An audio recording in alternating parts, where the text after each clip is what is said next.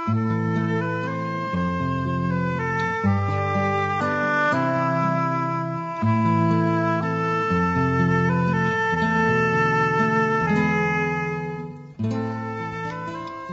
en welkom weer eens by Kortom.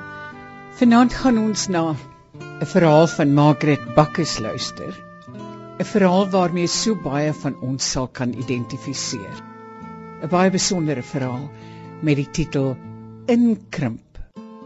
En dit het verskyn in 'n bundel van haar Sing vir ons Matilda by Tafelberg. Ek het vir Martlies Kolwer gevra om dit vir ons te lees. Lekker luister.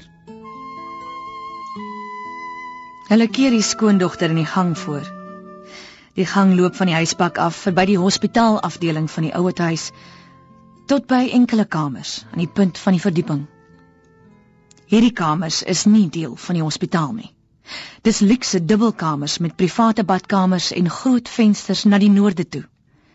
En in een van hierdie kamers woon die ou, ou vrou, haar skoonmoeder. Ons moet met u praat, mevrou, Sy bly staan omdat die verpleegster se stem streng klink. Mevrou julle moeder sal oorgeplaas moet word na die hospitaal afdeling sonder versuim. Sy het nou sonder twyfel daaglikse versorging nodig en dit kan ons alleen aan haar gee as sy hier in die hospitaal afdeling is. En daartoe moet haar kinders toestemming gee. Sy bly stil sonder woorde. Eindelik dus die vonnis die finale inkrimping. Sodra daar 'n sterfgeval is, reserveer ons vir haar die kamer. Praat so lank met haar daaroor. Sy stap verder na haar skoonmoeder se kamer toe. Sy stoot die deur oop en stap binne nadat sy liggies geklop het en geen antwoord gehoor het nie. Dit is tog so 'n mooi kamer, dink sy vlugtig. Sy het dit self nog so ingerig. 5 jaar gelede toe die ou vrou van die luukse hotel af hiernatoe getrek het.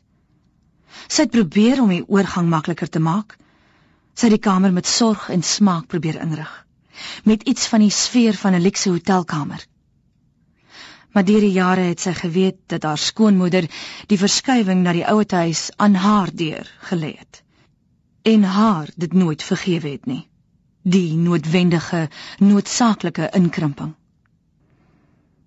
Die blou-groen gordyne is byna heeltemal toegetrek sodat slegs 'n enkele dun sonstreep op die dik blou-groen mat val.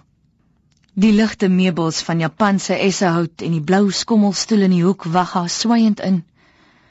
Maar daar is die weege reuk van ouderdom en verval en agteruitgang in die kamer. Môre mamma.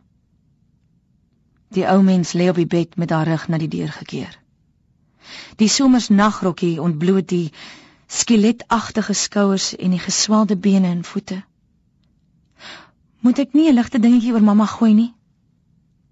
Ek kry warm. Dis nou reeds weke dat die ou mens selde meer uit haar eie praat. Sy beantwoord slegs vrae. Wanneer die skoondogter oor haar buik, weet sy dat hier sorg nodig is. Sy voel 'n magtelose verset dwing die woorde uit. Sal ek vir mamma 'n skoon nagrokkie aantrek en 'n lekker warm seperige washappie bring? Die hande met die skewe wysvinger maak 'n afwerende gebaar. Die uilstem is verstommend beslis. Ek het gister 'n skoon nagrok aangetrek. 'n Bietjie tee? Het mamma geëet vanoggend? Die ontbyt wat hulle aangestuur het was oneetbaar. Maar mamma moet eet. Wat van mamma se vitamindrankies saans, die wat ek by die apteek gekoop het? Ek is te moeg saans om dit aan te maak. Wat dan van nou? 'n Glasie daarvan drink. Nee. Dit maak my naar. Sy hoor die toenemende ongeduld in die stem. Hou tog aan. Ek gaan vir mamma 'n koppie bavrol maak. Daarvan hou mamma mos. Sy soek in die muurkas na die vleisekstrak, sien dat dit nog presies so toegeseel is soos sy dit dae gelede daar gelaat het. Sy haal 'n koppie uit, die mooi blou en wit Italiaanse spoutkoppie wat sy as jong meisie in haar man se moeder se huis leer ken het. Duursame, elegante koppies. Sy help haar regop sit. Die borsbeen is hol en hygend en oor die gesigsbeendere span die vel styf en geel. 88 somers. Eintlik 88 winters, want haar jare was by uitnemendheid moeite en verdriet. En as jy baie sterk is. Die woorde van Jacques Brel se liedjie draai in die jong vrou se kop. Die oues praat nie meer of hoogstens af en toe. Die oues droom nie meer. Hulle het te lank geleef. Sy weet dat die verpleegster reg het, maar besluit ineens dit is nie haar taak nie.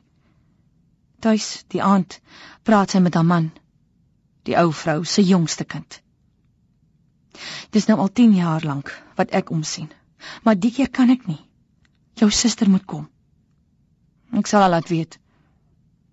Sy vra hom 2 dae later of hy sy suster laat weet het. Sy suster moet van ver af kom. Nee, sê hy, is dit dan so dringend? Maar jy sien mos. Sy gaan elke dag. Sy doen wat sy kan. Maak aan die kant, trek reg, was 'n stukkie klere. Maar haar skoonmoeder se stil verset, nawee van die ou trots beperk haar, dring die jare aan haar op. Pas uit die skool en vreemd in die groot stad was sy, toe sy haar man ontmoet het.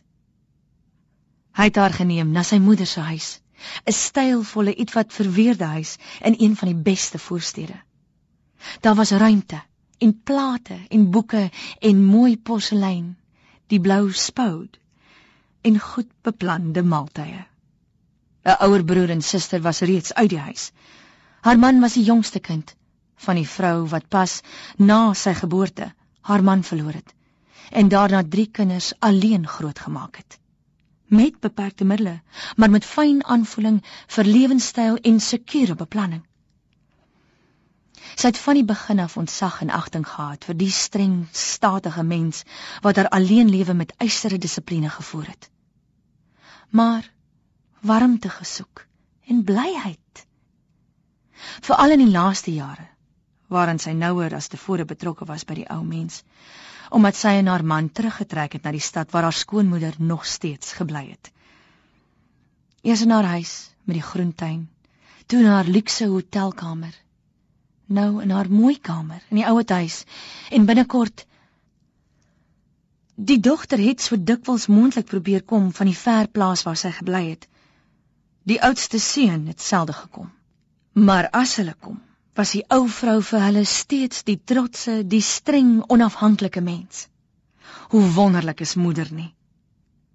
Van die dodelike vermoeidheid, naal vertrek en die pynlike insinkings het slegs die skoondogter geweet. Sy het op 'n dag na 'n gesprek geluister wat die drie kinders oor hulle moeder gevoer het. Dit was die dogter wat gesê het: "Ons sal op haar graf kan skryf: Sy het ryker geword na mate sy haar aan ander gegee het." Die oudste broer het geantwoord. Sy het haar gegee, maar slegs aan haar kinders, nooit aan ander nie. Die skoondogter het geweet van die waarheid van hierdie woorde en haar verwonder oor die insig van die man wat sy moeder se huis vroeg verlaat en eintlik selde teruggekeer het. En nou was dit sy wat die ou vrou op die laaste pylvak moes bystaan. Sy het gedink aan die Bybelse woorde, geweet Die wedloop was straf en probeer vergewe. Maar by haar besluit gebly. Die dogter moet kom. Want sy hoor die woorde al die afgelope 5 jaar. Julle het my nou eintlik hier, maar julle moet my nooit na die hospitaal afdeling laat gaan nie. Hier in die kamer wil ek bly, beloof my. Daarom sou sy niks sê van die verpleegster se woorde nie. Net maar elke dag gaan en doen wat sy kan tot die dogter kom. Op 'n dag gee die verpleegster haar weer voor. Daar was 'n sterfgeval vannag. Môre word die kamer ontruim en uitgeverf. Oor die naweek kan julle moeder intrek. Die aand bel sy self die dogter. Jy moet haar kom sê. Hierdie keer moet jy haar kom skuif. Jy moet môre op die trein klim. Die dogter arriveer 2 dae later. En van daardie dag af gaan die skoondogter nie meer na haar skoonmoeder toe nie. Sy sien dat haar skoonsister vermoeid en hartseer lyk wanneer sy saans terugkom om by hulle te slaap. Maar sy vra nie uit nie. omdat sy eintlik nie wil weet nie. Buite wil staan. Eindelik na 'n week kondig haar man se suster aan. Mamma is nou oorgeplaas in die klein kamer in die hospitaalafdeling. Dis 'n sydkamer, koud. Ek het dit soos 'n ou kamer probeer inrig. Dieselfde mat en gordyne, alles. Maar dit is so klein, so so klein. Ek sal moet teruggaan na my man toe. Dis appeloestyd. Ek kan nie langer vertoef nie. Tot oormôre sal ek bly. Sy praat tog selde meer. Ek het haar gevra of sy kwaad is omdat ek haar uit haar mooi kamer weggeneem het. Sy het my nie geantwoord nie. Net maar na my gekyk. Sy is tog na alles so wonderlik sterk, so trots. Wat doen 'n mens? Wat 'n mens moet. En as ek nou weer weg is, ek sal elke dag gaan, soos ek gereeld gegaan het met die jare. Ek weet dat jy nie langer kan bly nie. Ek sal gereeld gaan en jou laat weet nou dat jy kom doen het wat jy moet. Die man sit sy suster 2 aande later op die trein. Hy is vermoeid en verlig toe hy van die stasie afkom. Nou is dit ook agter die rug. Ons moet vanaand maar vroeg gaan slaap. Die telefoon lui om 10:00. Dis die verpleegster. Julle moet kom, moontlik moet julle moeder opgeneem word. Tog nie dit ook nie, dink die skoondogter. 'n Vreemde groot koue hospitaalsaal met net 'n bed en 'n bedkassie tydelik joune. Sy gaan vir die eerste keer die nuwe kamer binne. Voel die koue van 'n suidkamer. Daar is dieselfde meubels, dieselfde mat, dieselfde gordyne, maar dit is klein en oorvol. Sodat die dokter en die verpleegster en sy en haar man beswaarlik by mekaar en by die suurstofsilinder verby kan beweeg as hulle voor die bed wil kom. Dis te vol, te verskriklik vol. Wie die skoondogter? Sy sal môre moet kom om dit leer te maak. Vir die laaste pylvak is daar immers net die basiese nodig.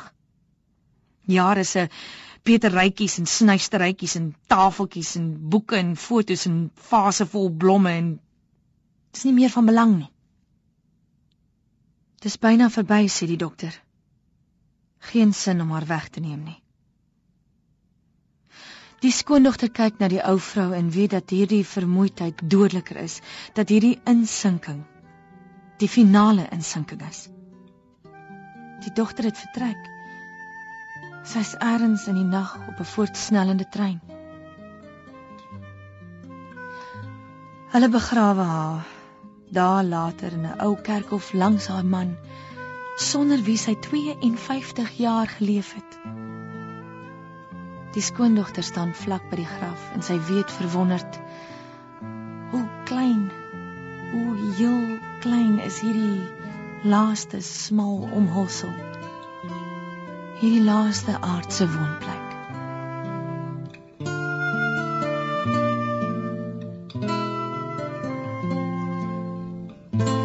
Dit was Margaret Bakker se verhaal Inkrimp. En dit het verskyn in 'n bundel van haar met die titel Sing vir ons Matilda wat by Tafelberg verskyn het. Martlies Kolwer het dit vir ons gelees. Van my, Margot Luit, alles van die aller aller allerbeste. Tot volgende keer. Mag dit met ons almal baie goed gaan. Totsiens.